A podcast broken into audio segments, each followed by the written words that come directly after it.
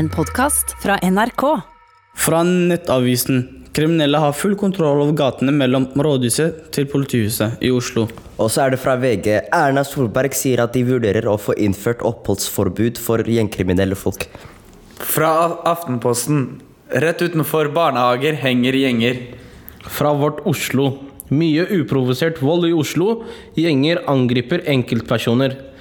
Ja, det her høres ut som vi er midt i Bagdad, ass. Hei og velkommen til Røverradioen i Eidsberg fengsel. I dag skal vi preike litt om eh, hovedstaden der jeg kommer fra, Oslo. Og eh, selveste Nasri kommer fra, og eh, Dos Santos. Men uh, du, Teddy, du er ikke derifra. Nei. Så kan ikke du si meg hva slags bilde du har om Oslo? Jeg har faktisk ikke noe dårlig bilde av Oslo. Jeg føler media legger Oslo i et veldig stygt lys. Ja. Men alle de episodene du leser om, tror du det er tull, eller? eh, Nei, nei, det er selvfølgelig Ja. ekte, men jeg mener de, de krydrer på det ekstra også. Men uh, Dos Santos og Nasri, denne sendinga skal handle om uh, sånne som oss, så å si. Eh, kriminelle, unge og eh, de, de diverse tinga da, som eh, ikke er så bra i, her i det norske samfunnet, fra Oslo. Vi skal jo høre hva makta har å si om dette, og mener. Og så skal vi høre litt mer om hva Himanshu Gulati, som sitter i justiskomiteen på Stortinget, har å si. Så skal vi høre hva folka i Oslo kommune har tenkt til å gjøre. Og hvem er ikke bedre til å svare på det enn selveste Marianne Borgen, ordfører i Oslo. Så skal vi høre fra Mikael Ali, som har vært med i Young Guns og kommet seg ut. Yes, da kjører vi på med sending.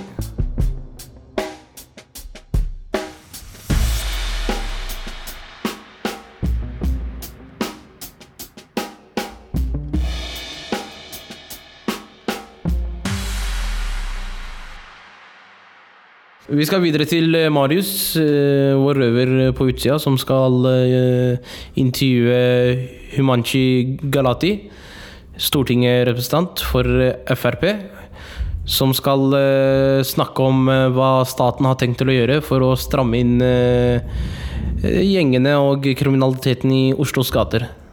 Himanshu Gulati, du er stortingsrepresentant for Frp og sitter i justiskomiteen. Velkommen til Røverradioen. Tusen takk, og takk for invitasjonen. Bare hyggelig. I det siste så har vi opplevd en del vold og en del reaksjoner på volden fra politikere og ivrige samfunnsborgere. Eh, Hva er det du tenker er grunnen til at det har økt så fælt? Fordi både jeg og Rune vi, vi kom jo fra en tid eh, som det var eh, litt mildere. Før intervjuet så snakka jeg litt med mine kollegaer om at jeg føler at eh, vi som er eh, gamle i gamet nå, eh, vi hadde nesten ikke overlevd i dag. Eh, fordi det, er blitt så mye forverra. Eh, hva, hva tror du det kan være grunnen til det? Altså, er, det- er det eh, dårligere kår i Oslos eh, bydeler enn før? Det du sier er egentlig ganske skremmende i seg, i seg selv. Jeg, jeg, tror, jeg tror ikke det er én løsning, jeg tror det er veldig sammensatt. Og Noe av det håp, eh, handler åpenbart om integrering og innvandring. Det er en del bydeler i Oslo med veldig veldig høy andel eh, folk med innvandrerbakgrunn, og der er det nok eh, manglende integrering og at mange føler seg som outsidere, som er med til å bidra til dette. Og det handler igjen sammen med både fattigdom og en del andre ting. Eh, Så jeg tror både pro problemer med integrering i deler av Oslo, og eh, kanskje manglende rollemodeller, og at det ikke er blitt satt tydelige nok eksempler og eh, gitt tydelige nok konsekvenser når folk gjør noe gærent, eh, eh, i en kombinasjon gjør at dette har blitt så ille som det har blitt i dag. Du har jo kommet med et forslag som, eh, som har vekt reaksjoner. Mm.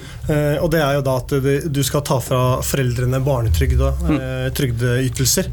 Eh, står du fortsatt ved det? Ja, ting at Jeg ønsker ikke å ta fra noen eh, ytelser overhodet. Også fordi dette er familier som utgangspunkt har det vanskelig, så vi vil ikke gjøre livet noe vanskeligere for dem. Men det er et problem at foreldre ikke ser ut til å bry seg eh, eller har noe respekt for politiet hvis en 15-16-17-åring blir, blir kjørt hjem av politiet. Så det jeg vil, at de skal se at det er en konsekvens i den andre enden hvis ikke de gjør sin foreldreplikt og er til stede, mer til stede i barnas oppvekst. Så, så hvis ikke man kan ha trusselen om at vet du hva, hvis ikke hvis dine barn blir tatt av politiet, så mister du en ytelse i tre måneder eller fire måneder, eller hva det skulle være.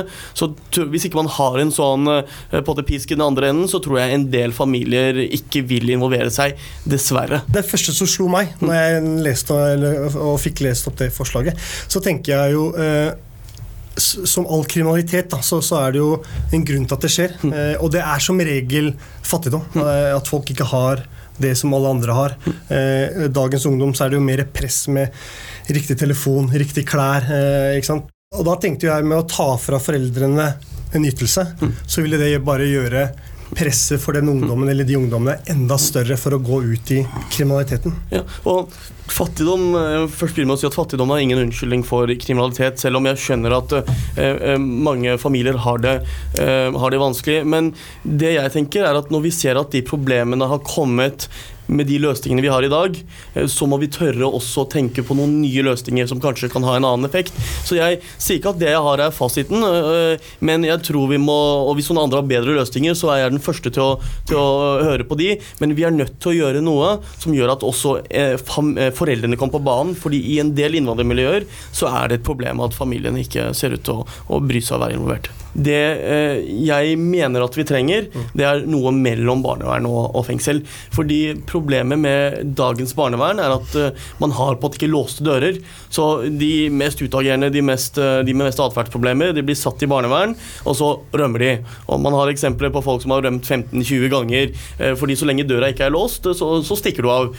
Men det betyr ikke at de personene hører hjemme i fengsel. Å plassere de på fengsel er kanskje bare å gjøre livene deres verre enn det man, man, man trenger. Så jeg føler vi trenger noe i midten. Vi trenger noe som er barnevern pluss, eller fengsel light, eller hva man skal kalle det. Som gjør at uh, du er ikke i fengsel, men du har noen omgivelser med en låst dør du ikke kan forlate, og hvor du har et opplegg med både skole og fritidsaktiviteter og andre ting som, som eh, kan hjelpe deg å få livet på riktig kjør, samtidig som du også løftes ut fra det miljøet du hang i, hvor du uh, gjorde ting du ikke bør gjøre. Og så er det lurt på Er det noe du har lyst til å spørre oss om, siden du har kommet hit til oss i dag? Ja, det er ehm, eh, Hva skal til? Hva er deres budskap til eh, de ungdommene vi i dag ser som driver med kriminalitet, for at de skal få den åpenbaringen og innse at vet du hva, dette er ikke riktig stil i livet? Eh, vi har snakka mye om det her. Ja. Uh, og vi, det, det, sant, det vi føler som, Vi har en modul sant, oppe hodet vårt. Og det er det der se og bli, eh, se og bli sett mm. og bli hørt-biten. Det er viktig at man blir tatt uh, kjapt inn på banen av mennesker som, som kanskje har vært som sagt, litt på gata før, eh, ser faresignalene, fanger dem opp litt. og, fordi alle ungdommer og barn har et talent. Det er egentlig bare å finne talentet deres i riktig retning kjapt nok, tenker jeg da. Og fange det opp. Eh, For det også har jo forsvunnet med åra, fritidsklubbene. Eh, Når vi vokste opp, jeg husker jeg vokste opp på Tveita. Da var det jo Tveitaklubben, Haugerudklubben, Lindeberg, Trosterud. Nå er det bare én klubb igjen i den bydelen. Eh, Og Det også gjør at ungdommer faller fort ut. Da, for det er ikke alle som liker fotball og håndball. Og, og da, da, da blir det senteret. Men jeg tenker litt sånn som vi har tenkt tidligere nå. Eh, Begynne på skolen i Oslo, der det er verst. eh, Der det er verst. Få foreldrene på banen, få dem litt mer behjelpelige. behjelpelig. Altså få dem til å hjelpe til. Ja. eh, tenker jeg er nøkkelen der. Tusen hjertelig takk for at du kom til oss. Eh, Du virker som en eh, bra mann. Takk, og, og i like måte. Tusen takk. Innsatte i norske fengsler lager radio. Du hører Røverradioen i NRK P2. Vi har sendt vår løslatte reporter Simen med en opptaker til rådhuset i Oslo for å prate med ordfører Marianne Borgen. Og hun skal fortelle om de konkrete tiltakene som Oslo kommune har tenkt å gjennomføre for å løse problemene med ungdomskriminalitet. Ja, da sitter vi altså på ordførerens kontor ved rådhuset med Oslo-ordfører Marianne Borgen fra Sosialistisk Venstreparti. Hei, Marianne. Hei, velkommen. Takk for det. Vi skal snakke litt om gjeng- og ungdoms- og voldskriminaliteten i Oslo, som har vært et tema de, ja, de siste årene, egentlig. Prøve å få litt eh, innblikk fra ordførerens perspektiv. I Røverradioen har vi vært i kontakt med flere fra miljøene, bl.a. på Søndre Nordstrand. De sier at gjengene er i krigsmodus etter Prinsdal-drapet. Hva tenker ordføreren om voldssituasjonen i Oslo i dag? Først og fremst har jeg lyst til å si at eh, Kriminaliteten blant barn og unge i Oslo har jo gått ned. Men vi må erkjenne at vi har noen eh, alvorlige problemstillinger knyttet til noen ungdomsmiljøer, og ikke minst også at det har vært en del også grå vold. Så, så det, er, det er noe som vi virkelig tar på alvor. Og Jeg var sjøl også nylig både, i, både på Mortensrud og nede på Holmlia og snakket med ungdom der. Og det er som du sier, det er en spent situasjon i den delen av byen. Og så jobbes det jo nå systematisk med å forsøke å både gi disse ungdommene litt hjelp og oppfølging. Mange av de trenger det. Også skape trygghet i området der. Fordi at eh, det, selv om ikke det er Selv om Oslo er en ganske, altså Oslo er en ganske trygg by. I utgangspunktet er vi en trygg by. Men det er klart at alle de episodene som vi har, med knivstikking, med, med drap osv., skaper utrygghet. Og langt utover hvor farlig det egentlig er. Og det må vi gjøre noe med. Hvilke tiltak jobber dere med sånn litt mer konkret?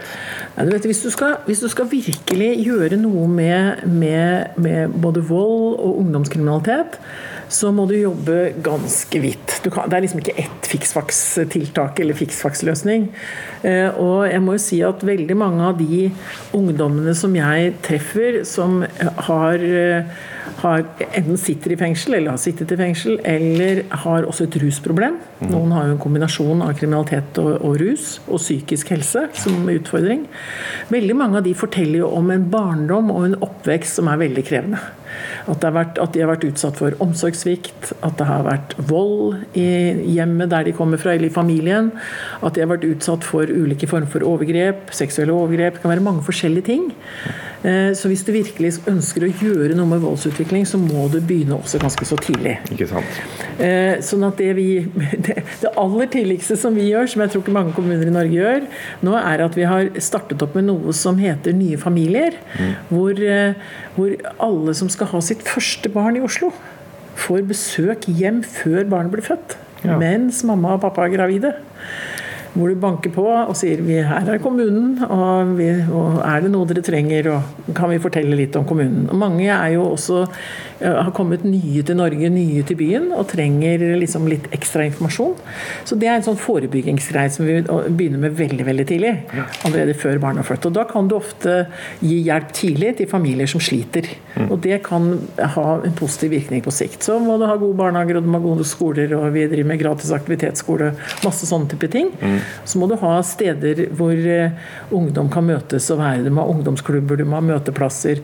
Mange sånne ting jobber vi med som er forebyggende da, ikke sant? og som på sikt eh, tror jeg vil ha stor betydning for eh, hvor mange ungdommer som får så store problemer som du her snakker om. For mange av de problemene som, som forårsaker at du blir kriminell, da, hvis du kan kalle, Jeg vil ikke kalle nesten folk kriminelle engang, men at du, at du gjør eh, ting som er imot loven. Eh, det skyldes jo den situasjonen du lever i, og den du har levd i. Altså, det er liksom ikke noe egenskap ved deg som gjør at du gjør ulovlige ting. Det er, Du blir satt i en vanskelig situasjon. Eksempler fra Holmlia og Mortensrud, sånn som, der, som, du begynte med å si. Mm. Der er det jo også fattigdom som er en årsak. Du hører jo der om ungdom, eller ja, ikke ungdom, kan nesten si barn i 12-13-årsalderen som eh, får tilbud om å være kurerer ja. Eh, ikke sant? De kan frakte da eh, narkotiske stoffer fra A til B, og så kan de tjene 1000 kroner eller 2000 kroner liksom cash per lab. Eller 200. Ja, eller to, jo, men mye penger for de småungene ja, likevel. Ikke sant? Og, og, da, og hvis, du, hvis, du, lever i en familie som har veldig lite penger, og lever blant de fattigste i vår by, så er det klart at det å få 200 kroner eller 500 kroner, 1000 kroner for en tilsynelatende eh, liten jobb, det er fristende.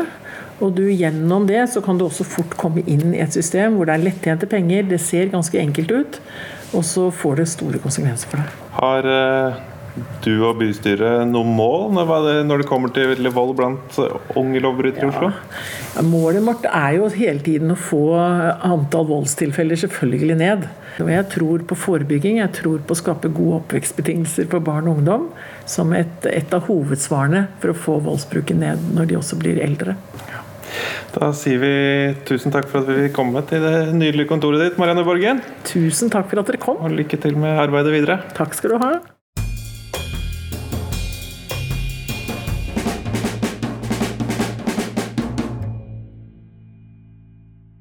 Nå har vi hørt hva makta har ment, nemlig fra Stortinget og eh, kommunen. Og nå skal vi over til eh, en tidligere Young Guns-medlem. For de som ikke vet, Young Guns eh, er en tidligere En beryktet gjeng, vil jeg si, i Oslos gater.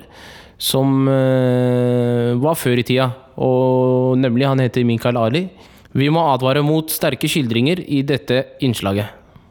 Da står vi her med tidligere eh, medlem av Young Guns, eh, Mikael Ali. Velkommen. Takk skal du ha. Mitt navn er Mikkel. Jeg er ansatt streiting her i Røverradioen. Og med meg har jeg eh, Rune Cato. Hei.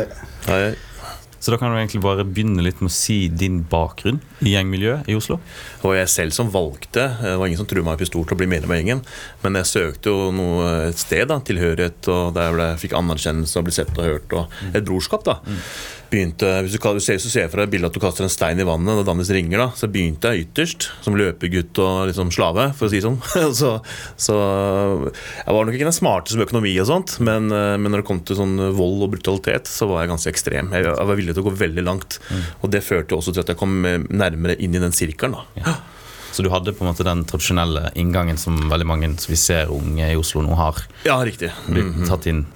Altså, du spoler helt tilbake i begynnelsen. liksom På alle barneskolen så ble mobba. ikke sant? Jeg har far som er fra Pakistan, mor er norsk. eh, Så ble mobba mye av de kjetteklassene pga. etternavnet mitt Ali. da Så det ble kalt mye pakkis og sånne ting. Så jeg var jævlig ubehagelig, veldig redd og sjenert og ikke sant? liten guttunge.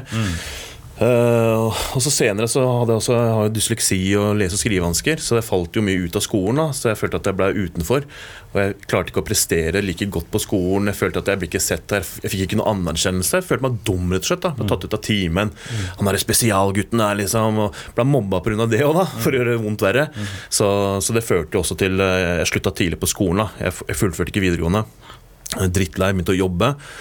Og så ble jeg innkalt til Forsvaret, som nevnte tidligere. eh, Og der ble jeg tilfeldigvis innkalt til Telemarksbataljonen, hvis det ikke var det jeg var heller. Jeg hata det til å begynne med. Jeg ville ikke være noe folk bestemmer over det. og sånne ting liksom. Det var det verste jeg visste, liksom. Men, men så var det ok, jeg må bare fullføre. Men etter hvert så begynte jeg å trives der. Jeg presterte, for jeg var veldig fysisk sterk. Jeg hadde veldig, og, veldig psykisk sterk òg, etter å ha gjenopplevd alt det jeg gjorde. Eh, I barndommen også så var det til tider også veldig turbulent hjemme. Eh, på mange måter, med litt sånn vold og sånt òg. Eh, ikke, ikke hver dag, men hadde selv foreldre, en far, da, som også hadde opplevd det mye hjemme sitt, og videreførte det òg. Så, så det hadde en del med meg inn da, fra tidligere barndom og sånt. Så, som jeg ikke fikk bearbeida. Men uansett, når jeg kom til Forsvaret, så begynte jeg å prestere. Gjorde det jævlig bra. Litt sånn brorskap. Ble anerkjent, møtte gutta. Fellesskap, bygde opp. Trent å drepe. altså litt sånn der, Og det det endte med der, er at uh, da fikk jeg tilbud da, om å skrive kontrakt, uh, utenlandstjeneste. Og det satte jeg veldig stor pris på. Da opplevde jeg veldig mye mestring, da, som jeg mangla på skolen. Så da var jeg seks måneder, vi var de første som dro ned til Kosovo. da, Så vi var seks måneder der nede. Så, så da når jeg, kom, når jeg kom hjem da, så, så hadde jeg lyst til å begynne på Politihøgskolen. Av alle ting. Så, men så traff jeg en kjæreste. Ting, ting gikk på glid, på en måte. da. Nå bare forteller jeg litt sånn kort trekk her. Ting gikk jævlig på glid. Skulle begynne på Politihøgskolen, så fram til det måtte ta opp fag da, på Bjørknes i Oslo.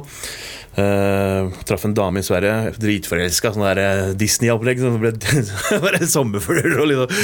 Så, men det endte jo med at eh, hun skulle komme til Norge da og, etablere seg her sammen med meg.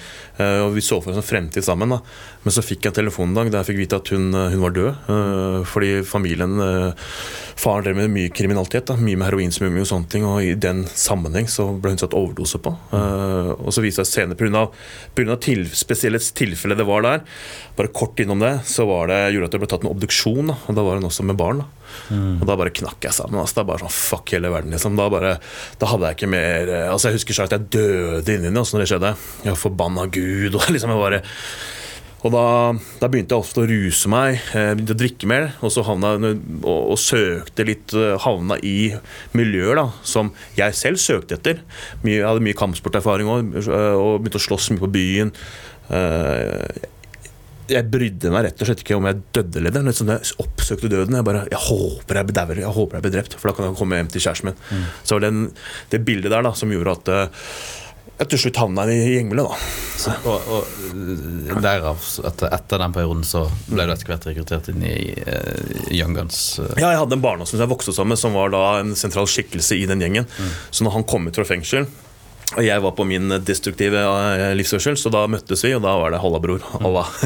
Så da havna jeg inn i den. Så hva var, det, hva var det du fikk ut av det, å bli kontakta av Young Guns og den Ja, nei, da, da følte jeg på den tida Da var jeg veldig ustabil, men jeg følte liksom at uh, her, her ble jeg våkna litt opp igjen. Liksom, her ble jeg liksom godt ivaretatt. Altså, de, de var jævla flinke på å rekruttere meg. da Det var det der brorskapet. Jeg kom inn her, de ga meg penger til mat, ga meg penger til å kjøpe mobiler.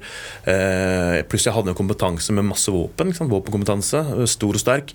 Så den brukte de også bevisst. da At jeg lærte de opp litt forskjellige våpen og sånne ting. Og, uh, ja, så, så jeg følte meg veldig sett og hørt og møtt med en slags forståelse. Og oppriktig sett så skal jeg være ærlig og si at eh, gutta, og jeg tror gutta mange var glad i meg. Danna et sånn godt vennskap og brorskap, på en måte, og jeg er glad i dem. Men det var bare den settingen. For da, det er så destruktivt med, med narkotika, vi utøver vold, kidnapper folk, liksom torturerer og alt det dritt, skyter hverandre. Så det prega jo alle. Så det, der, egentlig det som var ment som en fin greie, at eh, vi er, møtte gode venner og ble godt samhold, men vi bare ødela hverandre. Hva er også så hverdagen din når du var med Young? Ja, hverdagen. altså det, Jeg vil beskrive det som eh, Jeg gjorde vel mer, vil jeg påstå, på én dag i gjengen mer kriminelt og mer faenskap enn det kanskje et menneske gjør i løpet av en livstid. altså sånn livsperioden sin. altså Det var alt ifra vi blei som vampyrer omtrent. Eh, festa om natta, var ute om natta, holdt på.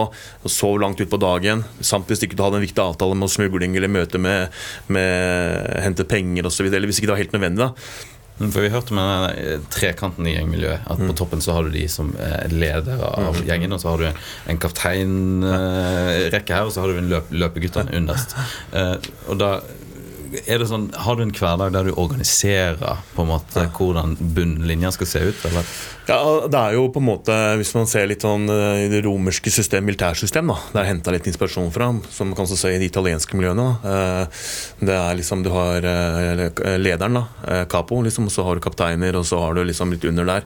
Men det som er greia der, er at de som automatisk blir litt sånn capo, da, liksom sjefene, de er de som ofte sitter med kontaktene inn til narkotika. Så de automatisk blir på en måte den lederskikkelsen, pluss personligheten deres. da. Eh, Det skal også sies. Eh, Veldig flinke til å til å få deg til å føle deg inkludert, velkommen. Eh, ja, så Kan ikke du fortelle oss litt om rekrutteringa, hvordan det fungerer i gjengene i Oslo i dag? Måten jeg ble rekruttert på, som jeg gjorde det samme med de andre, da, jeg rekrutterte jo andre til i miljøet, det er at, på en måte, at ryktet, navnet, er jo allerede bygd opp. Young Guns, liksom. Og folk kjenner jo det. Og, på, og det har jo en viss eh, kraft i seg sjæl, bare navnet. Så når vi på en måte finner Vi ser Det tiltrekker ofte de som er allerede De som er, allerede er i gjengen, så har de ofte brødre, eh, og så har de venner i deretter. Så det kommer litt mer inn fra den fronten. da Fra bekjente til bekjente til bekjente igjen. eh, som er søkende, som ønsker noe annet. da Som, som jeg må ærlig, helt ærlig innrømme at det har litt samme de fellestrekkene. At de ikke har prestert så godt på skolen. Ikke, altså De søker et annet miljø da, der de blir sett og hørt og får anerkjennelse. Og det utnytter vi som faen. Det spiller vi på. Og Samtidig som vi også gir de penger til å kjøpe, hjelpe mor med husleia f.eks. Eh, hvor unge er disse som eh, Hvor unge kan man være, de som man rekrutterer? Hvor, unge, hvor langt ned går man? Yngste vi drev med, var sånn 15-16. Men uh, nå til dags har jeg selv vært i kontakt med ungdommer som er helt ned til 12-årsalderen. Som uh, driver tyngre kriminalitet. Som blir rekruttert uh, og, og har inntekt gjennom kriminalitet. Da. Mm. Er det et kynisk spill, det her med at man bruker masse penger på de unge i begynnelsen? Og Det, det, det, er lurer det, inn i det? på det er planlagt fra noen, men samtidig så er det også Jeg vil påstå at de som er i disse miljøene nå, ønsker jo på en måte å ha, ha, ha eh, De bruker mye de ungdommene her da til eh, løpeguttoppgaver. ikke sant? For Mange av dem kan ikke bli satt i fengsel. De er under straffalder og sånne ting, og de kan da transportere narkotika i sekker, eh, selge litt der, selge til vennene sine på skolen, nettverk, bruke sitt nettverk. da. Så, så det er ganske kynisk sånn sett òg. Så ja. Tidligere i sendingen så har vi hørt eh, fra justispolitiker i Frp, Himanshi Gulati, justiskomiteen på, justiskomiteen på Stortinget. Mm. Og han ønsker, har annet sagt at han ønsker å fjerne barnetrygden til familier av kriminelle barn for å straffe dem, om det ikke er noen andre tiltak som funker. Hva tenker du om det? Nei, Det er helt mot sin hensikt, eh, med all respekt. Altså, jeg skjønner ikke helt hvor, eh, hva tanken bak det er. Altså, bortsett fra å gjøre det ting enda verre. Du skal straffe de som har det tøft fra før av. Det er bare helt bortkasta. Hvorfor? Jo, altså, det, det, de, de sliter jo med det vi ser også ute i miljøene nå, når vi snakker direkte med ungdommene. For det er jo jævla mange som prater høyt og liksom, vi må gjøre det, det er det tiltaket. Men så må vi bare spørre oss, ok, er det noen som har snakka med ungdommen? Hvor er dems stemme? da? Hva er det de ønsker? Hvor er det de føler det trykker? Og det har vi gjort noe med. Vi har snakka mye med ungdommen. eh, Og de sier jo det at eh, altså det mange av de ungdommene ønsker, er at de har råd til å spandere en kebab på dama, for å si litt sånn. da. Har råd til å ta med kompisen på kino. Har råd til å kjøpe den telefonen, den jakka. Så, eh, så det er det de sier til oss. Og da må de også ha hjelp med å finne, komme seg inn i arbeidsmarkedet. Ja. Hva tenker du om den jobben du har gjort med rekruttering av barn, og det at du har vært med på å opprettholde gjengkriminaliteten i Oslo i dag? Ja, altså jeg, jeg, jeg er det noe er første bud som jeg vil påstå eh, når jeg selv ville ut. For det begynte jo med at tanken hadde en barn Jeg ble frikjent fra en tolvårsdom. Eh, jeg hadde nettopp opplevd å miste kompiser som var skutt i huet og brent i en bil liksom, og masse sånne ting. Skutt mot hverandre, selv avført skudd mot andre. Psykisk, mentalt begynte å ta på noe jævlig. Lei meg. Jeg klarte ikke å behandle følelsene mine lenger pga. jeg mista så mange gode venner. Eh, og jeg så også familien deres ble prega. Eh, så, så det det startet, når jeg ble, ble frikjent da, to, for den tolvårsdommen, så tenkte jeg ok, begynte det med huet. Jeg, no, jeg må gjøre noe nytt der. Enten blir jeg innlagt, eller så blir jeg drept, eller så dreper jeg noen og havner i forvaring. Og er, hva, skal, hva skal guttungen, da? For kjæresten min var gravid. da eh, Så da tenkte jeg ok, jeg skal prøve å gi han en bedre start. da Men pappaen hans, pappaen hans der og da var en voldsmann, narkoman. Så er, hva er det jeg kan tilby han, da?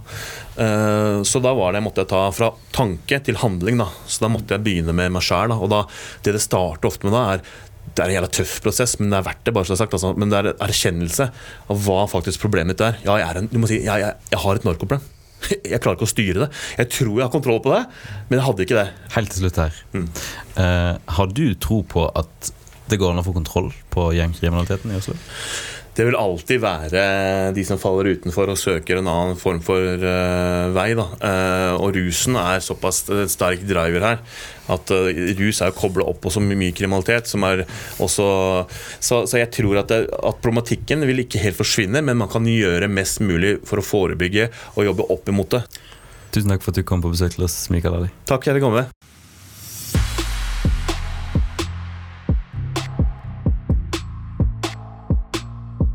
Innsatte i norske fengsler lager radio.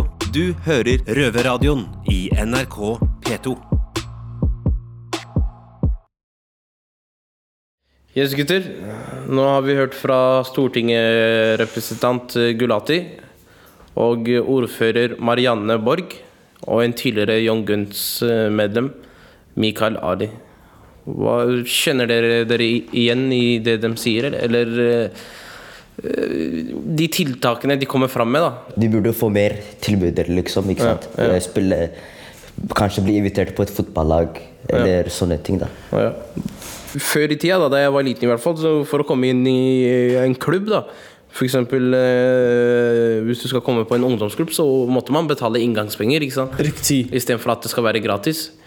Ikke bare inngangspenger, bro. Du må betale for drakten, du må betale ja. for sko, du må betale for alt mulig. Når det kommer til fotball, eksempel. Så sånne ting, sånne ting liksom Man burde hjelpe til med sånt med familier som virkelig trenger det. Det Det, det må jeg si meg enig i. altså. Yes, gutter, da mener vi at eh, det må bli mer tilbud og, og positive aktiviteter da enn å havne i fengsel. Skal vi si oss enig? Det er vi enige i, altså.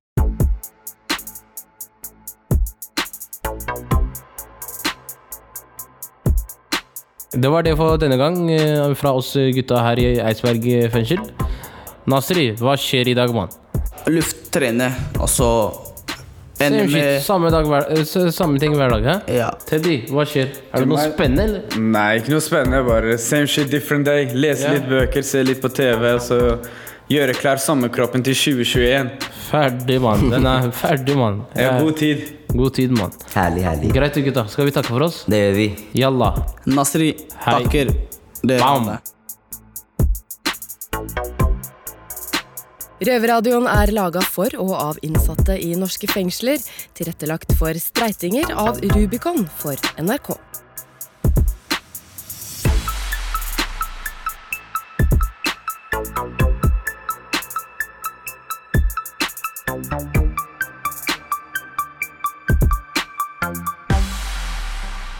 Du har hørt en podkast fra NRK.